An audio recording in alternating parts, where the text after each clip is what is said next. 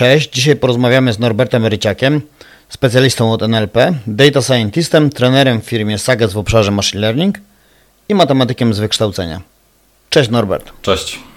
Z tego co rozmawialiśmy chwilę przed nagraniem, mówiłeś, że jakby jedną nogą jesteś w biznesie, a drugą e, byłeś trochę bardziej w e, tak, tak zwanej akademii. Jak odbierasz te różnice pomiędzy tym i, i czemu jednak bardziej e, poszedłeś w stronę biznesu? To, co mówisz, właśnie tam, ta, ta moja praca, moje zajęcia głównie odbywały się na pograniczu, ponieważ było to zasadniczo rozwijanie jakichś tam prototypów, czyli zrobienie od zera jakiegoś researchu, jak dany problem się rozwiązuje, stworzenie jakiegoś w miarę działającego rozwiązania w postaci prototypu, który później potencjalnie może być wdrożony, na, wdrożony jakby produkcyjnie. No i to jest tak, że hmm, z mojej strony bardzo ciężko mi jest w tej chwili porównywać te dwie rzeczy z racji właśnie tego, że ani tak na dobre nie jestem tu, ani tak na dobre nie jestem tu. Robiłem doktorat przez jakiś czas, którego ostatecznie nie zrobiłem, więc w hmm, początkowej fazie mojej kariery byłem rzeczywiście bardziej naukowy. No i tam jakby taka jest charakterystyka pracy, że no rzeczywiście jest to takie zgłębianie tematu i wymyślanie rzeczy bardzo od podstaw. To znaczy, może niekoniecznie odkrywamy tabliczkę mnożenia, ponieważ korzystamy już oczywiście z dorobku innych, no ale trzeba to tak na dość niskim poziomie rozwijać.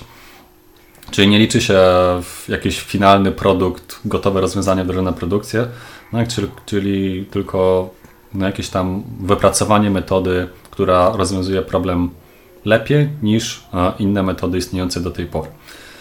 Więc to jest jakby taka praca zasadniczo naukowa. No, w biznesie wiadomo, co innego jest celem. W biznesie celem jest to, żeby mieć działające rozwiązanie, a, a nie chodzi o to, żeby zgłębiać jakieś tam niuanse metod i poprawiać o skuteczność metody o ułamek procenta przez zastosowanie innego, jak innej jakiejś tam transformacji czy, czy funkcji gdzieś tam w środku w modelu.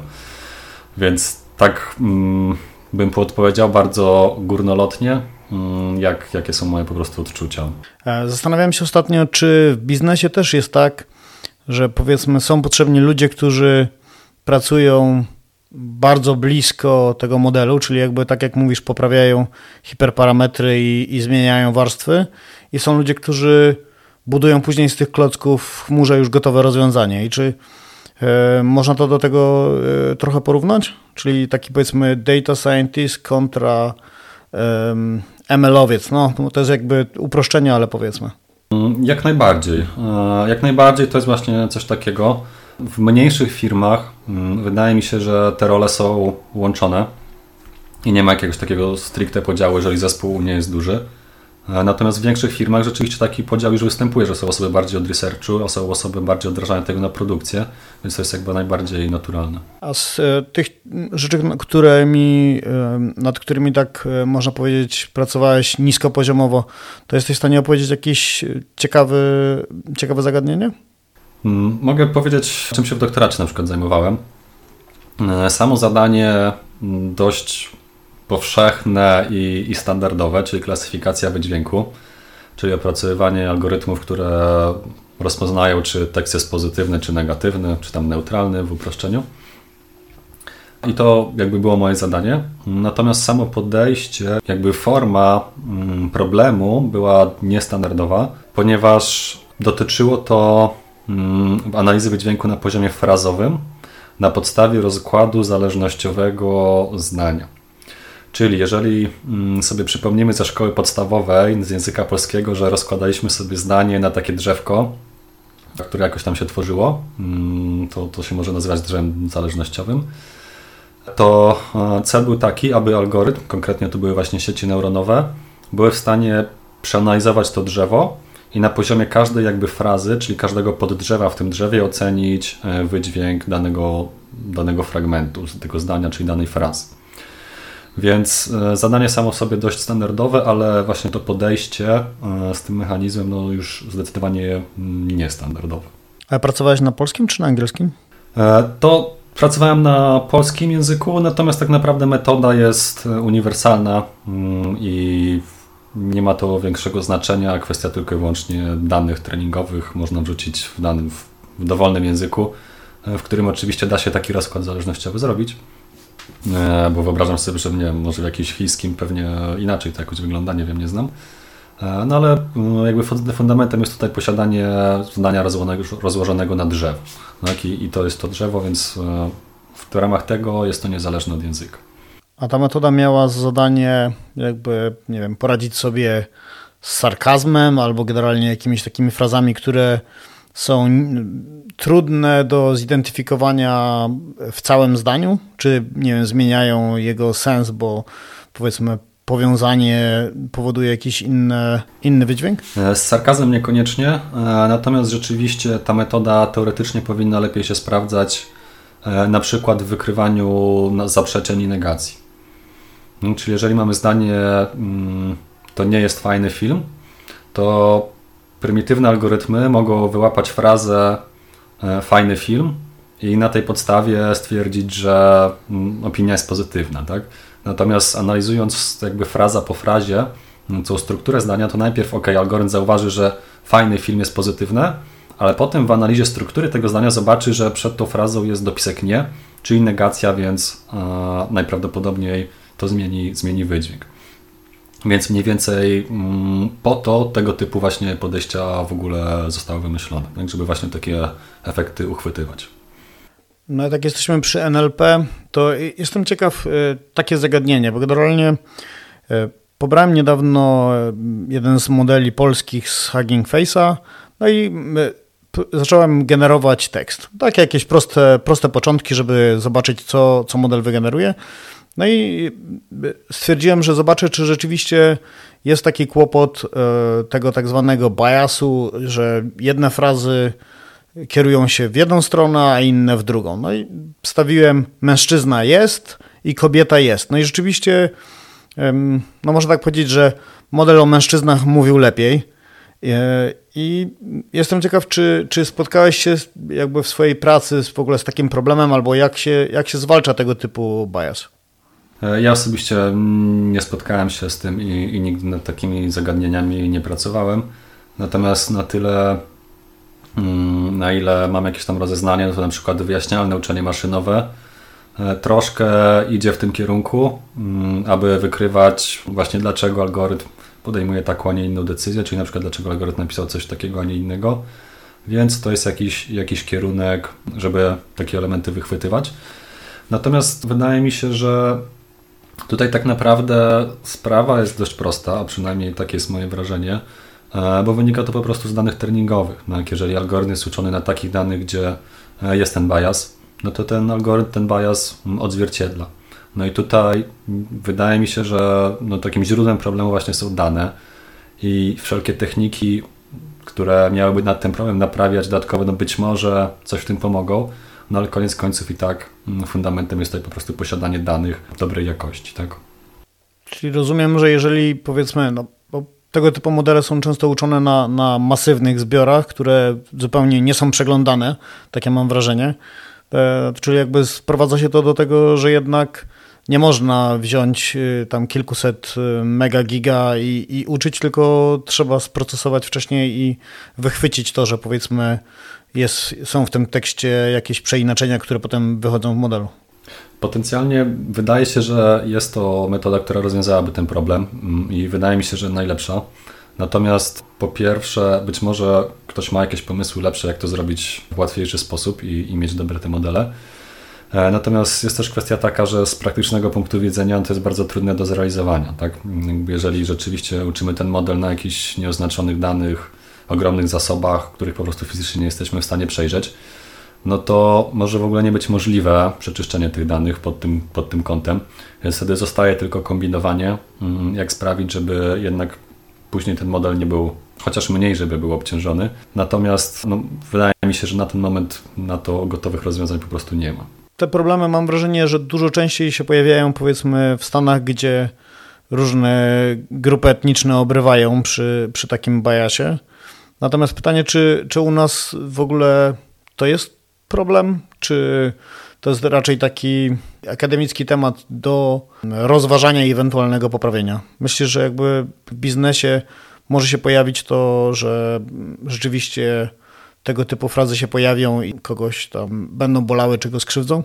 Nie wiem na ile w tej chwili już się to dzieje, zwłaszcza w Polsce, natomiast mm, no na pewno mogą się zdarzać sytuacje, że rzeczywiście to będzie negatywne. W szczególności jeżeli, nie wiem, na przykład mamy asystenta głosowego, który rozpoznaje instrukcje i ten asystent lepiej rozpoznaje instrukcje wydane przez mężczyzn niż przez kobiety, przykładowo, bo na przykład miał właśnie w danych uczących więcej przykładów mężczyzn, no to wtedy ten asystent jakby z założenia jest gorszej jakości dla kobiet. Więc takie coś się może zdarzyć i myślę, że to nie jest jedyny przykład. Tak jak wspomniałeś o tym generowaniu tekstu. No, jeżeli będziemy używać algorytmy do, do generowania jakichś tekstów i ten bias się będzie pojawiał, to też będzie to problem. W tej chwili podejrzewam, że nie jest to jeszcze aż tak bardzo szeroko zauważane i tak naprawdę dopiero zaczyna się rodzić świadomość tego, że, że takie problemy się pojawiają.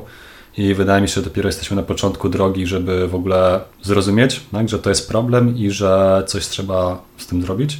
A nie sądzę, żeby w Polsce było jeszcze na tyle dużo jakichś przykładów tego typu zdarzeń, żeby ludzie jakoś bardzo się tym zainteresowali i poczuli, że rzeczywiście coś trzeba z tym robić. Myślę, że raczej mm, wśród może bardziej naukowych właśnie osób rzeczywiście ta świadomość już, już jakaś jest, e, ale w biznesie podejrzewam, że, że jeszcze niekoniecznie. E, aczkolwiek Zdarzyło mi się widzieć firmy, które oferują rozwiązania oparte na sztucznej inteligencji, uczeniu maszynowym, które reklamują się jako odpowiedzialna sztuczna inteligencja. Natomiast tam chyba chodziło o wyjaśnialność raczej, czyli można było przeanalizować, dlaczego algorytm taką, a nie inne decyzje podejmuje, a niekoniecznie o, o samą, samo rozwiązywanie problemu jakichś bajasów.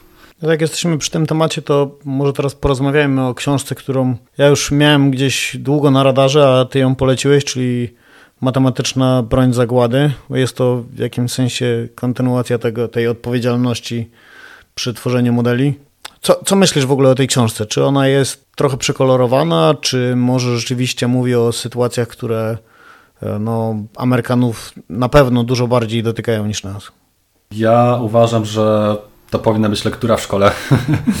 Więc ja uważam, że to jest e, bardzo wartościowa książka i nie, nie uważam, że była przerysowana. Tak na marginesie to mogła być taka lektura do, do zajęć z matematyki, a nie do języka polskiego w szkole ponieważ no, jeden przykład z tej książki, oparty na modelach statystycznych czy uczeniu maszynowe, system, który ocenia prawdopodobieństwo popełnienia przestępstwa przez osobę e, i system ten wspiera sędziów w podejmowaniu decyzji. Mm, no, jeżeli mamy ten system niedoskonały i on popełnia błędy, a wręcz ma systematyczne skrzywienia, no to mamy cały system sprawiedliwości niesprawiedliwy. Tak? Więc to nie są bajki. Uważam, że to są bardzo poważne kwestie, o których no, powinniśmy mówić i, i powinniśmy no, jak najbardziej nagłaśniać tego typu przypadki, żeby właśnie rodzić tą świadomość, że no, nie każdy algorytm mm, ma same zalety. Stosowanie na szeroką skalę algorytmów też może mieć negatywne konsekwencje, mniej lub bardziej poważne. No, czy to z, z punktu widzenia pojedynczych osób,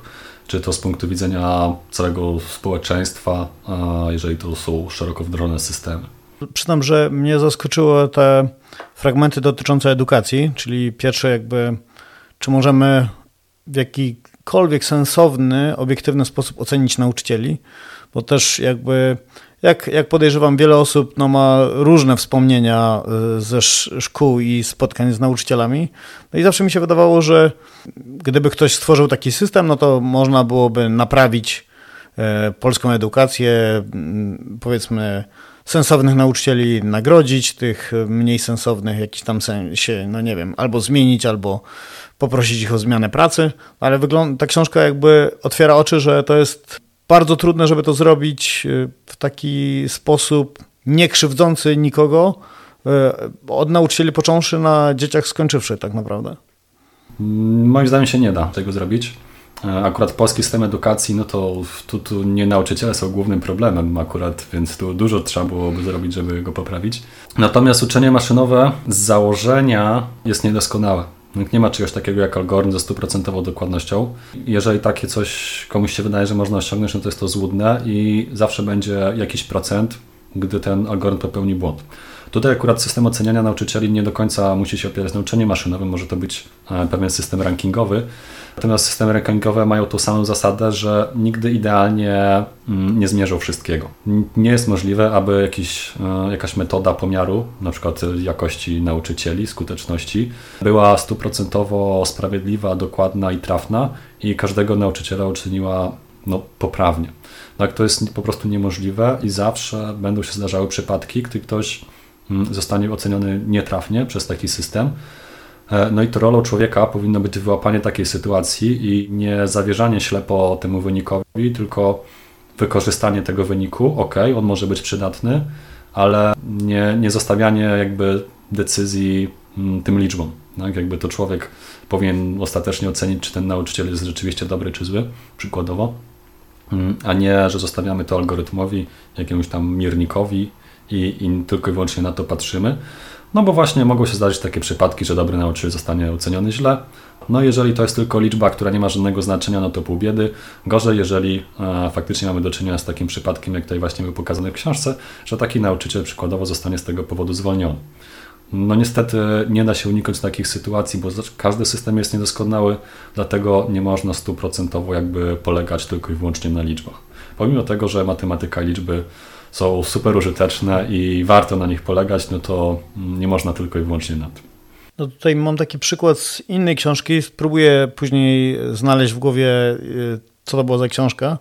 Natomiast y, tam chodziło o to, żeby były porównywane metody nauczania matematyki i e, była taka, która mm, prowadziła studentów jakby za rękę, pokazując im procedurę, jak rozwiązać zadanie, czyli także uczymy takiego przepisu, ok, mamy takie równanie, od, szukasz w głowie czegoś podobnego e, i rozwiązujesz na bazie tego, że już to widziałeś. I część nauczycieli miała zupełnie inne podejście, jakby trochę tak można powiedzieć, próbowała, żeby studenci zgeneralizowali swoją wiedzę, czyli gdzieś tam pokazywali różne dziwne i trudne przykłady, przez co często ludzie mieli powiedzmy na pierwszym, drugim roku gorsze oceny, no bo ten nauczyciel jakby nie pozwalał na korzystanie z takich łatwych przepisów i starał się, żeby e, ludzie jakby zrozumieli całą dziedzinę, a nie, nie tylko sztuczki, żeby rozwiązać dobrze jakiś tam test czy e, zaliczyć e, kolokwium. I okazywało się, że tak naprawdę dopiero na czwartym roku ten nauczyciel e, okazywał się znacznie skuteczniejszy od tych kolegów swoich, którzy przez dwa lata dawali e, piątki z testów, bo ludzie nauczyli się tych, no, tych takich prostych trików, żeby rozwiązywać zadania. I to myślę, że to trochę się wpisuje w to, że bardzo ciężko byłoby w systemie zawrzeć taką informację, że słuchaj, no on trzy lata będzie do kitu ten nauczyciel, ale w czwartym roku okaże się masterem. Dokładnie tak i to dotyczy no, olbrzymiej liczby jakichś sytuacji życiowych, kiedy efekt krótkoterminowy jest zupełnie czymś innym niż efekt długoterminowy. No, jak na przykład w sporcie dokładnie ta sama sytuacja. To, że ktoś w tej chwili jest taki albo inny, no to jeszcze nie determinuje, jaki będzie kiedyś. Tak? No chyba, że mówimy o polskiej piłce nożnej, przepraszam, musiałem to powiedzieć. E, no ale Robert Lewandowski też na początku był niezbyt doceniany, nikt jakoś szczególnie się nim nie zachwycał ileś lat temu. No ale teraz mamy gwiazdę, tak? I, no i dlatego, no między innymi dlatego mierzenie mm, jest no po prostu wszystkiego, czegokolwiek w jakiś sposób ogólny i sprawiedliwy w 100%, no praktycznie niemożliwe. No to jest ciekawe, bo obydwaj się tym w jakimś sensie zajmujemy, a tutaj trochę stajemy po tej drugiej stronie płotu, że jednak nie zawsze y, te techniki działają tak, jak powinny. Znaczy, akurat systemami do oceny ja się niezbyt zajmuję. E, raczej tworzę modele, które starają się coś tam przewidzieć. Mm, więc tutaj mówimy ogólnie o systemach numerycznych, tak, opartych na, tak, tak, na jakiejś tam mm, matematyce, powiedzmy ogólnie rzecz biorąc. E, no i one nigdy nie będą doskonałe, tak samo jak algorytmy uczenia maszynowe nigdy nie będą doskonałe i też będą się czasem myliły, chcąc, nie chcąc. Ale tak jak mówię, no, mimo wszystko może się, to, może się to zdecydowanie przydawać, tak? w szczególności algorytmy. A wracając do tej książki, myślisz, że mm, jakby okej, okay, każdy powinien tę książkę przeczytać, ale tak naprawdę jak wpłynąć na ludzi, którzy będą budować, powiedzmy, no nie wiem, pracują dla przysłowiowego e, dostawcy chwilówek w Polsce, albo nie wiem, dla jakiegoś większego banku, albo dla telekomu, gdzie powiedzmy już te, te różne zjawiska, które są opisane w książce, no mogą tych co, co mniej zamożnych ludzi w jakimś sensie dotykać. Chodzi mi o to, że jakby filozofia to jest jedno, a jak taki człowiek idzie do pracy, no to trudno jest potencjalnie zastosować to w praktyce, będąc już rzeczywiście w sytuacji, w której ktoś mówi: OK, no to teraz programujemy coś takiego. No ja niestety jestem pesymistą i w ogóle uważam, że oczekiwanie od pracownika, że wpłynie na politykę firmy w zakresie jakiejś tam etyczności, mm, algorytmów, no to, to ja za bardzo w takie rzeczy nie wierzę. E, oczywiście mogą być takie przypadki i mm, im więcej ludzi będzie świadomych tego typu rzeczy, mm, że, że te rzeczy mogą negatywnie wpływać, w tym większa jakby ta świadomość w grupie może jakoś tam wpływać na to, że firma będzie szła w takim czy innym kierunku. Natomiast no, ja, ja nie wierzę w to, że jakby firma, jeżeli ma taką i taką politykę, chce zarobić jak najwięcej mm, pieniędzy, to że pracownik może jakoś na to wpłynąć. Raczej bym myślał tutaj o odgórnych regulacjach po prostu tego typu rynków, mm, co oczywiście też jest szalenie trudne, bo jak prawnie uchwycić e, negatywny wpływ pożyczek krótkoterminowych na społeczność? No, ciężko sobie wyobrazić jakiekolwiek przepisy inne niż po prostu zabronienie mm, takich pożyczek żeby, żeby ten problem rozwiązać, więc wszystko ma swoje jakieś tam strony pozytywne i negatywne, więc ja raczej bym szedł tutaj właśnie w ogólnym, mm, takim szerokim edukowaniu społeczeństwa, po to, żeby chociaż mieć tego świadomość, jeżeli osoby, które będą miały tego świadomość w jakiejś przyszłości, zaczną zajmować stanowiska jakieś tam decyzyjne, od których będzie zależała polityka firmy, no to być może te osoby to uwzględnią. E, natomiast to jest moim zdaniem szalenie trudna kwestia i wydaje mi się, że w tej chwili ciężka do rozwiązania, bo mnóstwo, mnóstwo biznesów może mieć negatywne konsekwencje dla społeczeństwa, a no nie możemy zakazywać pewnych rzeczy, tak? No, ale też na przykład kiedyś e, czytałem o tym, że sama walka z tym, że e, pierwsza chwilówka jest za darmo, nie, nie, wiem, jak się ta walka skończyła, czy mm, jakby zostało to zakazane, czy nie. Natomiast e, ktoś to oceniał, że to mm, e, znacząco wpłynie na zadłużenie takie bieżące, czyli ta oferta pierwsza za darmo powoduje, że więcej ludzi jakby wpada w tą spiralę kłopotów. I, i sam, samo zabronienie jakby reklamy tego w ten sposób powodowało, że no system się jakby poprawia, nazwijmy to, czy tam nie, nie wpływa w taki sposób negatywnie, więc być może jakieś drobne kroki można tutaj poczynić. Tak, no to, to są jakieś takie właśnie odgórne regulacje, tak? jakiś zakaz reklamy, być może podniesienie jakiegoś podatku na to, żeby to było jeszcze droższe, żeby mniej ludzi było tym zainteresowane. No to, jest, to są jakieś tego typu kroki.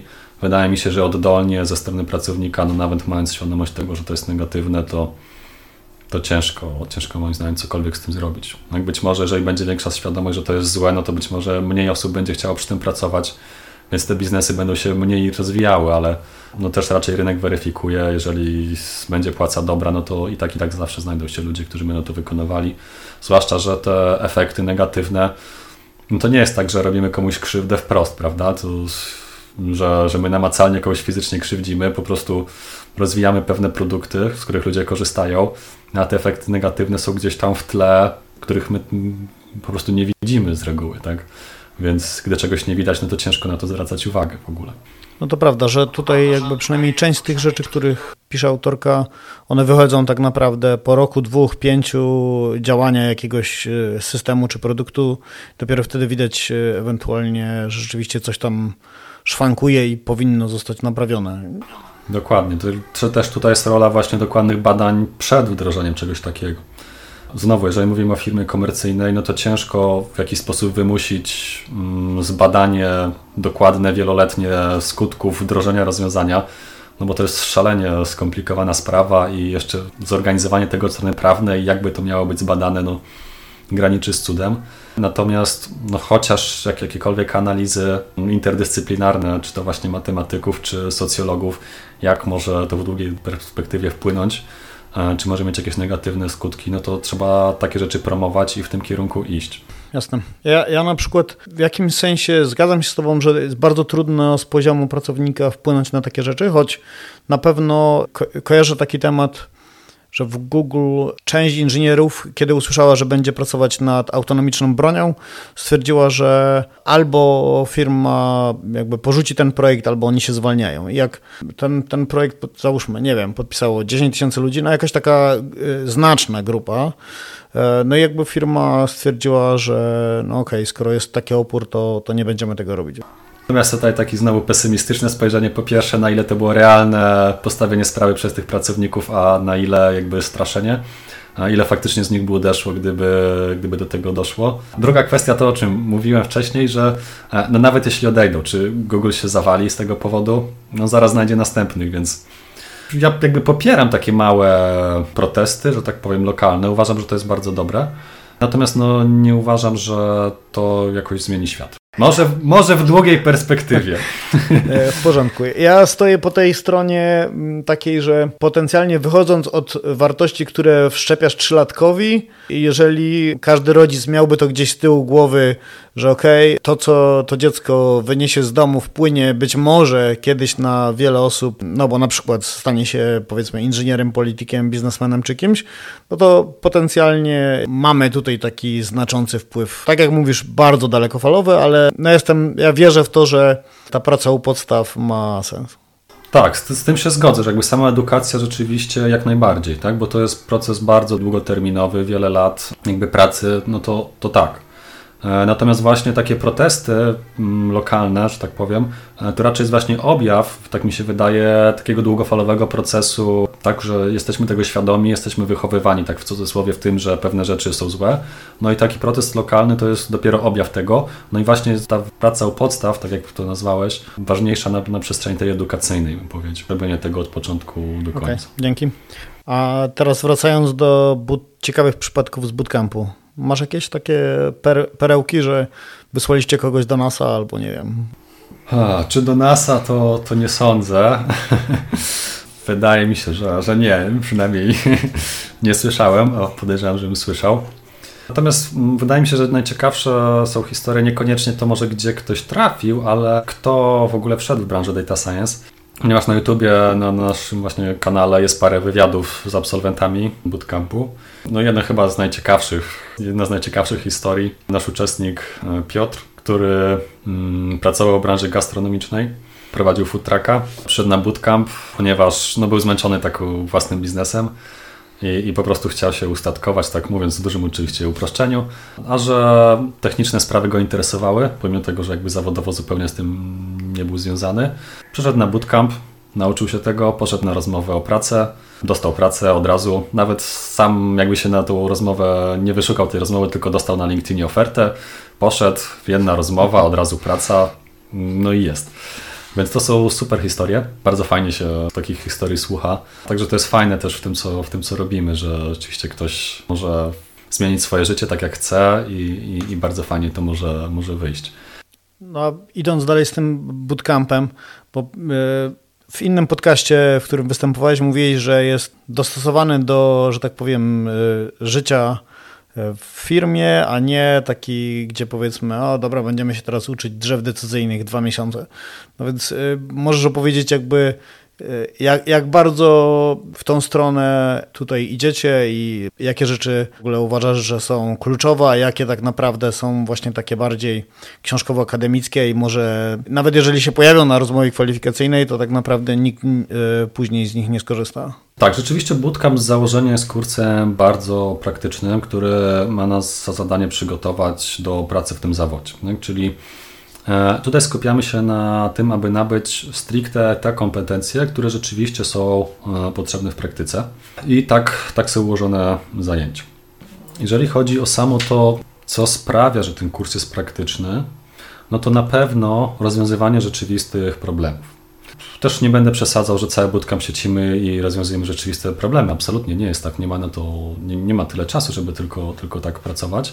E, natomiast e, podczas bootcampu ileś przykładów takich realnych problemów się pojawia i uczymy się e, na takich zajęciach, w takiej warsztatowej formie, od początku do końca stworzyć rozwiązanie, rozwiązać problem. Czyli mamy surowe dane, mamy jakiś problem predykcyjny, no i musimy te dane wczytać, przetworzyć, zrobić modele, zoptymalizować je i dostać jakieś ostateczne, jakieś ostateczne rozwiązanie, jakiś model, który zwraca jakieś tam wyniki i przeprowadzić ewaluację tego rozwiązania, no i zmierzyć, że faktycznie ten model ma jakąś tam skuteczność. Więc tutaj jakby tym kluczowym elementem praktyczności jest praca rzeczywiście na, na takich praktycznych problemach, na rzeczywistych zbiorach e, danych, czyli nie tak jak często na studiach. Kojarzę to na studiach zawsze dane były gotowe. No, była tabelka z liczbami i po prostu uczyliśmy się e, stosować modele na tym, no, czy jakiś algorytm uczenia maszynowego. Oczywiście jakaś tam otoczka była, ale zasadniczo mm, to wyglądało właśnie w ten sposób. A w życiu zdecydowanie tak nie jest. W życiu najpierw trzeba dane w ogóle znaleźć gdzieś tam w bazach, trzeba te dane zrozumieć, co w ogóle w nich siedzi, e, przeczyścić te dane, przetworzyć odpowiednio no i dopiero jakiś tam model zbudować. No i tutaj jakby też ta praca z danymi to jest taki bardzo ważny, praktyczny czynnik. I jakby to jest tak naprawdę no, fundamentalna rzecz, żeby właśnie od surowych danych do stworzenia na tym modelu, żeby zrozumieć, jak te dane trzeba przygotowywać, jak je przeczyścić i jak to zrobić odpowiednio pod kątem danego modelu. E, druga kwestia to jest takie praktyczne zrozumienie algorytmów, mm, czyli no nie tylko, że jakiś tam wzorek rzucamy i pokazujemy, że ten algorytm się odpala tak i tak, taka nie wiem, funkcja, metoda, e, taki kawałek kodu trzeba napisać, żeby ten algorytm się nauczył, a taki kawałek kodu, żeby dokonał predykcji. E, to nie może być takie powierzchowne, musi stać za tym głębsze zrozumienie, co tam się dzieje, no ponieważ zrozumienie algorytmów jest potrzebne do tego, żeby je efektywnie stosować w praktyce. Czyli jeżeli nie mamy zrozumienia algorytmów, no to możemy odpalić jakiś algorytm, on będzie miał skuteczność tragiczną. No jeżeli nie rozumiemy, jak ten algorytm działa i nie jesteśmy w stanie zrozumieć, dlaczego dał taki słaby, taki słaby wynik, a nie inny, no to nie będziemy w stanie tego poprawić. Czyli ja bym tutaj powiedział, że mm, oprócz praktycznych problemów na zajęciach, to takie solidne zrozumienie, tak? nie takie zajęciowe w szkole czy na studiach, że zakłuć, zaliczyć, zapomnieć, tylko żeby zrozumieć, jak, jak rzeczywiście to działa i dlaczego tak, a nie inaczej. A w trakcie pracy e, czujesz, że. Mm, bo podałeś przykłady, powiedzmy, dwóch osób, które się zdecydowały i zmieniły swoje życie, ale jakby tych osób było znacznie więcej, tam kilkadziesiąt czy kilkaset już w tym momencie z tego, co, z tego, co wspominałeś, to jakby czujesz, że wpływasz też na to, w jakim sensie, co się dzieje w branży w Polsce? E, hmm. Trudne pytanie, jak nie zastanawiałem się nad tym. Wydaje mi się, że to nie jest jeszcze taka skala, chociaż rzeczywiście no, 200, 240 absolwentów bootcampów otwartych plus drugie tyle absolwentów, uczestników bootcampów zamawianych przez firmy, więc to daje rzeczywiście tam łącznie około 500 osób. E, wykształconych przez, przez nas bootcamp w Polsce. Wiem, że wpływa na życie tych ludzi i to prawie zawsze pozytywnie, więc to jest dla mnie ważne i na tym się skupiam. Realnie jest tak, że no, spotykam osoby, czy to na jakiejś tam z bootcampu, czy na jakiejś konferencji, czy widzę jakieś prelekcje na, w internecie, jakieś webinary wygłaszane przez absolwentów. Więc to jest bardzo fajne i miłe uczucie, jeżeli ktoś, kto przyszedł przez bootcamp, teraz wygłasza webinary o uczeniu maszynowym. To już tak zupełnie kończąc, pamiętam, że gdzieś na samym początku yy, napisałeś coś o tym, że już małe dzieci powinny się lepiej uczyć matematyki. Y, możesz to rozwinąć tą myśl, bo ja się podpisuję obydwiema rękami. Jestem bardzo ciekaw tego, bo y, z jednej strony rozmawiamy tu o takim super high levelu, którego dzieci dotrą za, no nie wiem, 15 lat powiedzmy, albo, albo i więcej, a z drugiej strony, no wracając do tej pracy u podstaw, to wydaje mi się, że to się zaczyna już teraz. Mm, nie wiem, gdzie to napisałem, ale tak, tak uważam, że jak dzieci powinny być inaczej uczone matematyki od samego początku. No na pewno w sposób bardziej praktyczny i nawiązujący do rzeczywistego świata. Tak, jakby wydaje mi się, że to nie jestem odosobniony w takim postrzeganiu w edukacji. Dużo się o tym mówi, akurat jestem dość blisko tej branży i jakoś tam na bieżąco czytam, śledzę, śledzę co się dzieje. Bardzo bym chciał, żeby matematyka była bardziej praktyczna i też interdyscyplinarna, ponieważ, no, tak jak mówiliśmy, no, matem, dzięki matematyce naprawdę można bardzo dużo w życiu. I przykładowo, jak dzieci mogłyby się praktycznie uczyć matematyki, e, na przykład w nawiązaniu do jakichś systemów numerycznych ogólnie. Tak? Jeżeli mamy na przykład jakieś rankingi, wspomniany ranking nauczycieli, no to bardzo dobrym zajęciem na matematykę moim zdaniem byłoby opracowanie e, rankingu dla nauczycieli. Tak? Czyli danie dzieciom projektu, polegającego na tym, aby wymyśliły, jak mierzyć jakość e, nauczycieli. No i to już jest super praktyczna matematyka, to jest interdyscyplinarne, wymaga jakiegoś tam szerszego spojrzenia, przeliczenia paru rzeczy, zastanowieniu się, przeanalizowaniu potem konsekwencji jakichś szczególnych przypadków, a czy taki nauczyciel będzie miał dobry wynik, a czy taki, czyli przeprowadzania jakichś badań, eksperymentów, no to jest super praktyczne. Tak? Mając jakby właśnie tego typu świadomość i, i tego, takiej formie edukację, myślę, że ta mm, edukacja matematyczna byłaby dużo, dużo efektywniejsza. Więc to są takie rzeczy, które myślę, że spokojnie dzieci mogłyby mm, rozkminiać, że tak powiem, zastanawiać się w ramach zajęć i edukacji. I to by dawało lepsze zrozumienie świata, tak? jakby lepszy, większą świadomość tego wszystkiego, co nas otacza i też lepszą jakość tworzonych tego typu systemów w przyszłości. Więc e, myślę, że tego typu no, zajęcia, elementy edukacji powinny być wdrażane jak najszybciej, żeby właśnie widzieć e, to nawiązanie tej matematyki do rzeczywistego świata. To jest przydatne i warto o tym mówić, ale mm, no, trzeba jakoś zbalansować. Tak? Są pewne rzeczy, które mogą dać lepszy efekt edukacyjny, a są rzeczy, które mogą dać gorszy, więc no, fajnie byłoby jednak to nawiązanie do rzeczywistości tutaj złapać. No to ja mam taką opowiastkę na zajęciach, które dotyczyły, zdaje się, wychowania dzieci.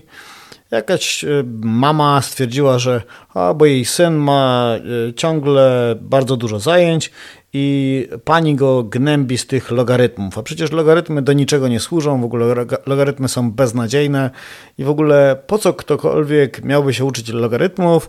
E, no i tam oczywiście wszyscy potakiwali głową przy tym stoliku.